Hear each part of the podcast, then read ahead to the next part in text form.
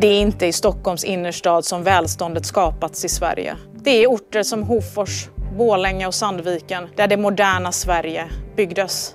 Vänsterpartiet har siktet klart inför valrörelsen. Partiet ska vinna arbetarväljare. Ut med identitetspolitiken och in med landsbygdspolitiken.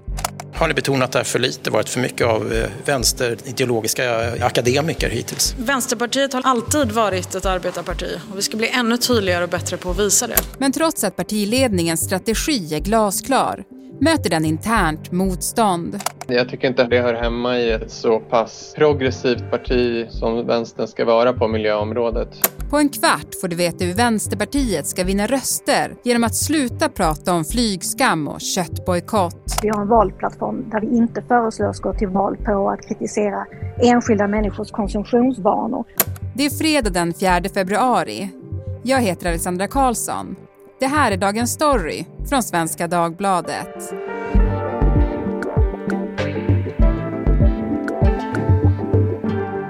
Maggie Strömberg, politikreporter här på Svenska Dagbladet. Du har ju djupdykt i Vänsterpartiet inför deras kongress som börjar idag. Ja. Och du har ju hittat en ny strategi kring hur partiet ska prata om bland annat då miljö och klimat. En vänsterpartist ska till exempel inte längre säga att det är fel att flyga eller att äta kött. Nej, precis. Man ska inte fokusera på de där personliga, moraliska livsstilsfrågorna. Man ska kunna flyga på charter och äta en hamburgare, som deras vice ordförande Ida Gabrielsson sa till mig. Istället ska man då fokusera på stora systemen och liksom massiva investeringar som också ska kunna leda till jobb. Man vill att klimatfrågan ska ha en mer positiv klang, inte så mycket uppoffring utan möjligheter. Det är så partiledningen uppmanar vänsterpartisterna att kommunicera kring klimatet i valrörelsen och detta är folk arga på. Mm. Vi ska återkomma till eh, ilskan, men jag tänker bara det här påminner så himla mycket tycker jag om när eh, Nya Moderaterna gjorde entré. De nya Moderaterna har talat på ett helt nytt sätt till väljarna med en ordlista på rekommenderade ord till valarbetarna där ordet privatisering ersatts med mångfald och privata företag i vården ska kallas enskilda aktörer. Och valarbetarna får veta att de ska lämna pärlhalsband och slips hemma för att det ska bli lättare att ta till sig deras budskap. Det känns så himla mycket som att det är så. Ja men verkligen. det är lite samma tanke, alltså hur breddar man ett parti? Det var ju det Nya Moderaterna gjorde, man breddade partiet och gjorde det tillgängligt för folk som inte identifierade sig med eh, pärlhalsband och Östermalm-looken. Och eh, det är ju det Vänsterpartiet också försöker göra nu och faktum är att de faktiskt pratar en hel del om det här med pärlhalsbandet, även om det hos dem handlar mer om kanske partikultur och hur man är, att man är eh, fokuserad på att göra rätt och ha rätt och eh, lite så här uppläxande och man ska ha väldigt mycket koll på den teoretiska bakgrunden till politiska förslag eller sådär. Det vill partiledningen komma bort ifrån för att öppna upp partiet för andra typer av väljare än de här akademikerna i storstan som har röstat på Vänsterpartiet i de senaste valen. Mm. Och är det därför man gör det här just nu då? Ja, partiet har liksom tagit beslut på kongress om att man ska bredda sig, men den nya partiledningen, Nooshi Dadgostar och eh, Ida Gabrielsson, och liksom gänget runt dem, de är väldigt inriktade på klass och materiella frågor. De vill prata sjukförsäkring, pensioner och a-kassa. De vill inte hålla på och prata så mycket feminism och flygskam och liksom identitetsfrågor som de tycker att det är. Helena Gissén, är det där ett statement tror du att Jonas Sjöstedt kommer på cykel? Ja, det kan du hoppa upp och sätta det på att det är ett statement.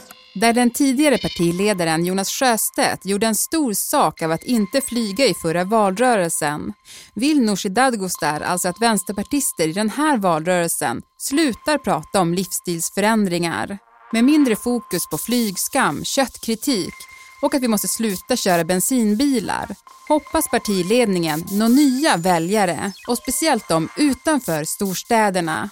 Sverige är ju en stor industrination och vi ska ta på oss ledartröjan också i den omställning som nu sker. För att eh, säkra jobben och fortsätta ha en stor och stark industri i Sverige.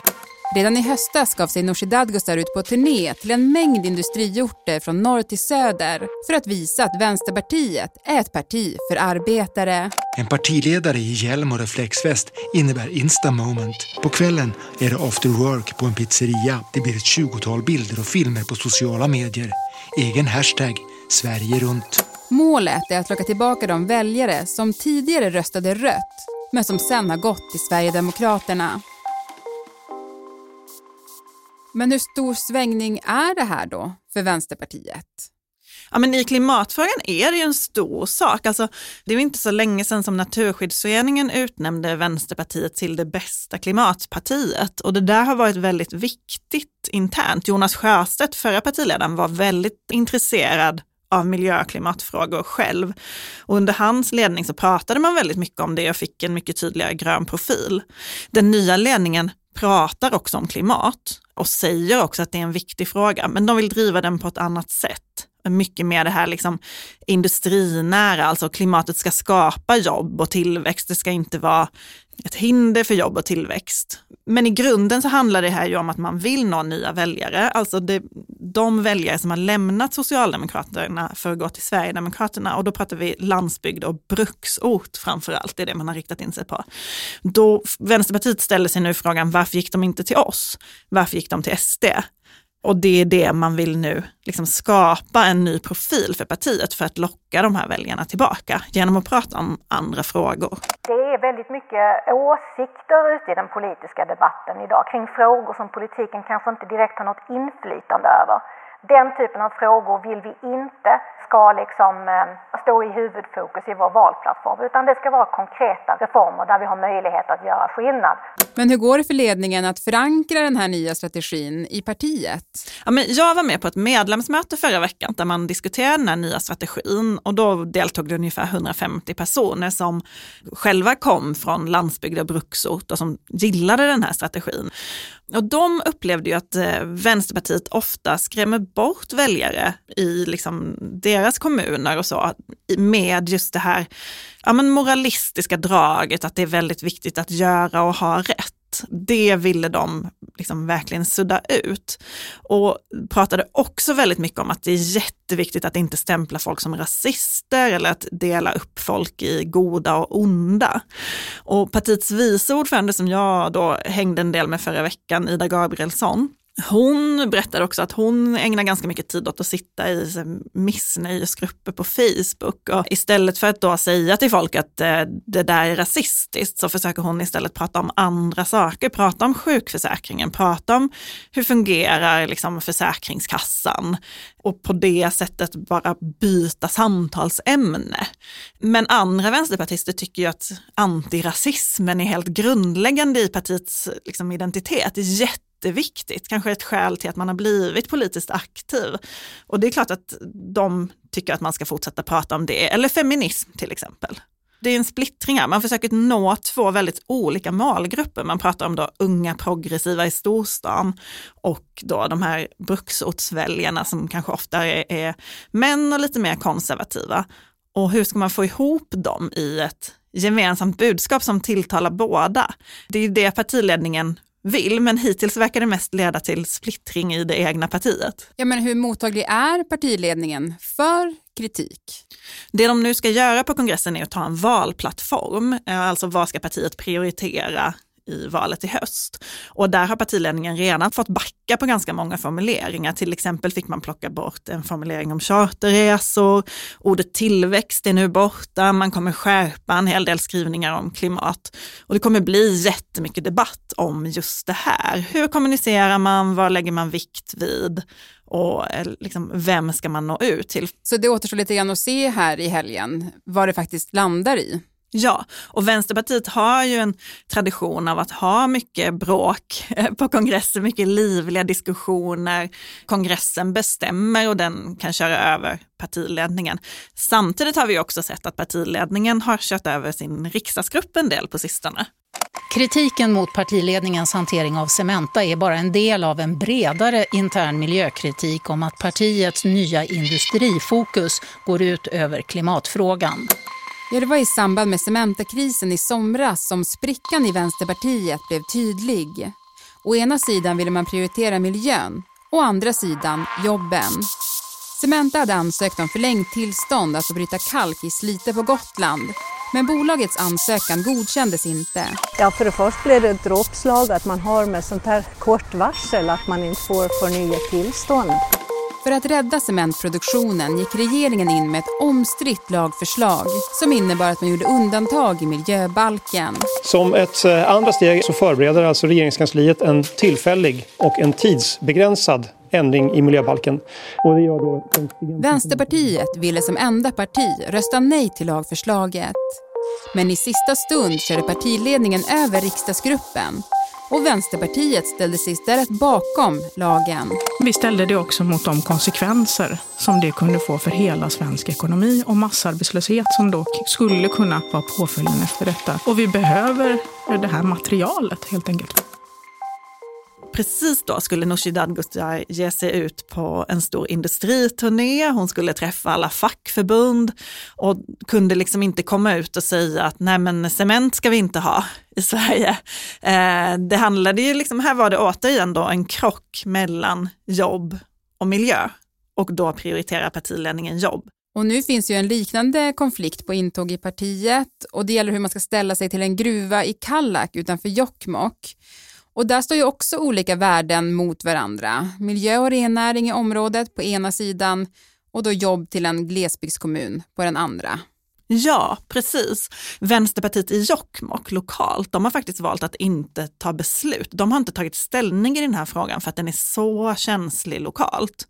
Och eh, nu håller man på att diskutera i partiet och där är det ju så att de som är de miljö och klimatprofilerade personerna tycker att det är självklart att Vänsterpartiet ska säga nej till det här.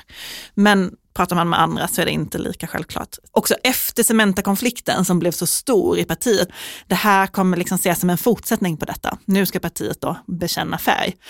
Och egentligen är partiets beslut helt oviktigt, för att det här är ett regeringsbeslut, men frågan är då, ska Nooshi Dadgostar kritisera regeringen eller berömma regeringen för det här? Ja, men vi har ju faktiskt gjort ett helt avsnitt om eh, gruvkonflikten i Kallak eh, som man kan lyssna på om man vill ha lite mer koll på eh, själva konflikten och beslutet då som regeringen ska fatta.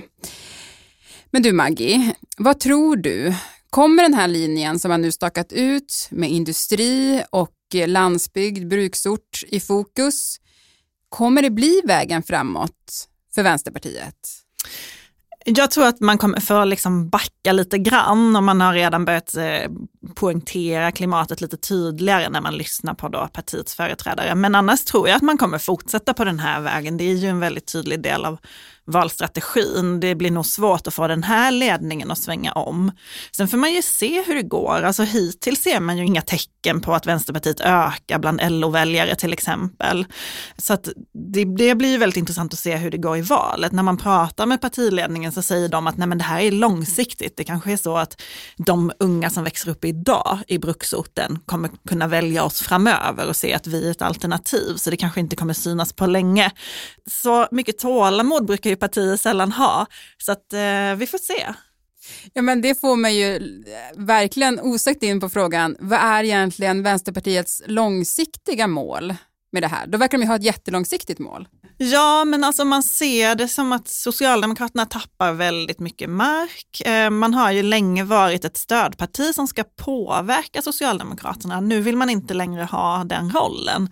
Det har vi också sett då eh, strategiskt i riksdagen, alltså parlamentariskt har man ju valt att fälla regeringen, både själva statsministern i somras, men också flera av regeringens förslag där man har gått ihop med de borgerliga partierna, något som var helt otänkbart för bara några år sedan. Så att Vänsterpartiet söker ju en, en liksom, det här är ju en frigörelseprocess. Man söker sin egna identitet, man vill bli det stora arbetarpartiet i Sverige. Man ska bli Socialdemokraterna. Och det är en bit kvar får man säga. Men du, till sist Maggie, alltså riskerar man då inte att förlora de väljare som man faktiskt har vunnit, som har gjort att man har vuxit som parti? Jo, och det finns det ju en oro för då i delar av partiet, medan andra, jag, en person som var på det här medlemsmötet som jag pratade om sa till exempel så här, ja, vi kanske tappar någon procent till Miljöpartiet, men vi kommer vinna så mycket mer. Det finns så mycket mer potential. Vi behöver inte slåss om de här identitetspolitiska storstadsväljarna som ändå hoppar mellan MP och Centern och Socialdemokraterna och Feministiskt initiativ beroende på vad som är trendigt för stunden. Och det ligger det lite i att de där väljarna är ganska flyktiga. Å andra sidan har man ju sett att det är jättesvårt att vinna tillbaka SD-väljare eftersom det har varit så eh, känsligt att rösta på Sverigedemokraterna och identifiera sig som sverigedemokrat så har man ju sett att de väljare som väl tar det steget, det är väldigt svårt att få dem att liksom byta tillbaka för att det, det, blir en så stor grej. Det blir en så stor uppoffring har det varit. Så de väljarna tycks mycket mer trogna faktiskt än, än andra väljare. Tack Maggie Strömberg för att du var med i Dagens Story. Tack så mycket. Programmet idag producerades av Daniel Sävström. Redaktör var Kajsa Linderoth och jag heter Alexandra Karlsson. Vill du kontakta oss så mejla till dagensstory.svd.se.